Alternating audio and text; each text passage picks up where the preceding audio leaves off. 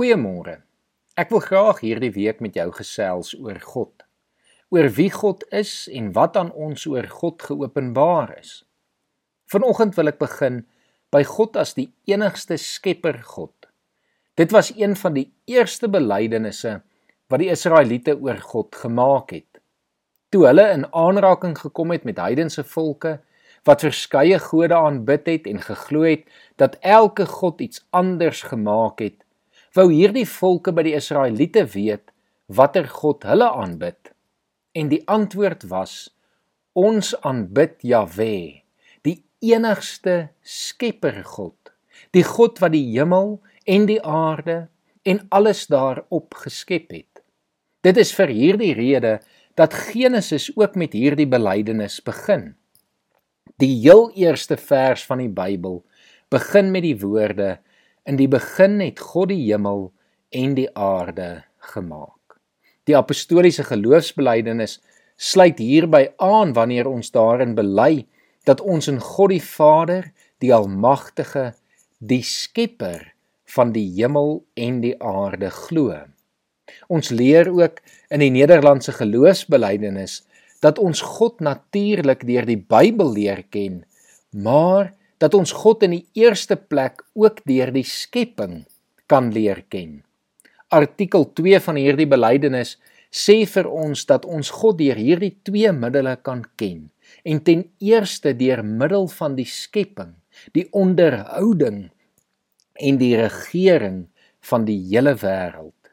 Dit is immers voor ons oë soos 'n mooi boek waarin alle skepsels, groot en klein, die letters is wat ons die onsigbare dinge van God, naamlik sy ewige krag en goddelikheid duidelik laat sien.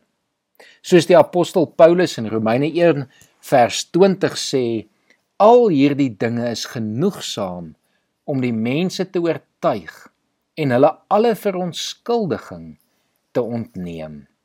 Daarom glo ek, is dit baie belangrik om elke dag bewus van God se skepping te leef.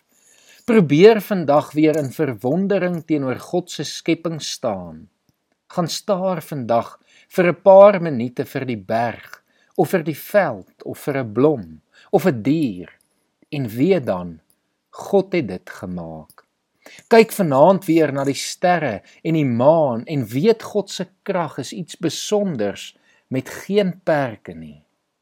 Gaan kyk sommer net in die spieël en weet dat God jou ook gemaak het.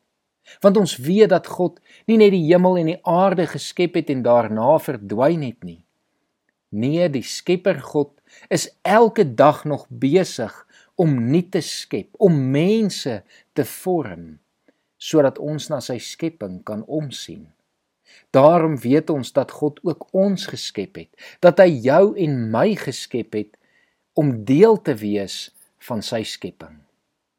Psalm 139 verwoord hierdie gedagte vir my baie mooi wanneer ons in vers 13 lees: U het my gevorm, my aan mekaar gewewe in die skoot van my moeder. Ek wil U loof want U het my op 'n wonderbaarlike wyse geskep.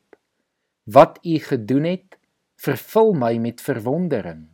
Dit weet ek seker. Geen been van my was vir u verborge toe ek gevorm is waar niemand dit kon sien nie. Toe ek aan mekaar gewewe is diep in my moeder skoot. U het my al gesien toe ek nog ongebore was. Al my lewensdae was in u boek opgeskrywe nog voordat ek gebore is. Jy is nie maar net toevallig hier nie. Ons is nie maar net nog iets in God se skepping nie. Nee, God het elke mens geskep om in 'n verhouding met hom te wees. Dit is die Skepper God wat ons aanbid. En mag jy vandag opnuut God se identiteit as Skepper ontdek en raak sien. Mag jy hom aanbid dat hy jou gemaak het En mag jy vandag weer opnuut herinner word dat God ook vir jou 'n opdrag gegee het om hier in sy skepping te kan uitvoer. Ons lees daarvan in Genesis 1 vers 27 en 28. toe het God hulle geseën en vir hulle gesê: Wees vrugbaar, word baie, bewoon die aarde en bewerk dit. Heers oor die vis in die see, oor die voëls in die lug, oor al die diere van die aarde, ook oor die diere wat op die aarde kruip. Wat 'n wonderlike voorreg is dit nie dat ons die verantwoordelikheid het om ook saam met God na hierdie skepping om te sien. Kom ons bid saam. Here, dankie dat U geskep het. Dankie vir 'n pragtige aarde, vir 'n wêreld, vir die heelal wat ons nog steeds tot vandag toe nie ten volle kan verstaan of begryp nie. Here, dankie dat U ook my geskep het, dat U elke mens geskep het omdat U vir elkeen lief is en met elkeen in 'n verhouding wil staan. Here, mag hierdie gedagte van U as ons Skepper opnuut elke hart vandag aanraak en mag ons leef vanuit 'n verhouding met U, ons Skepper. Amen.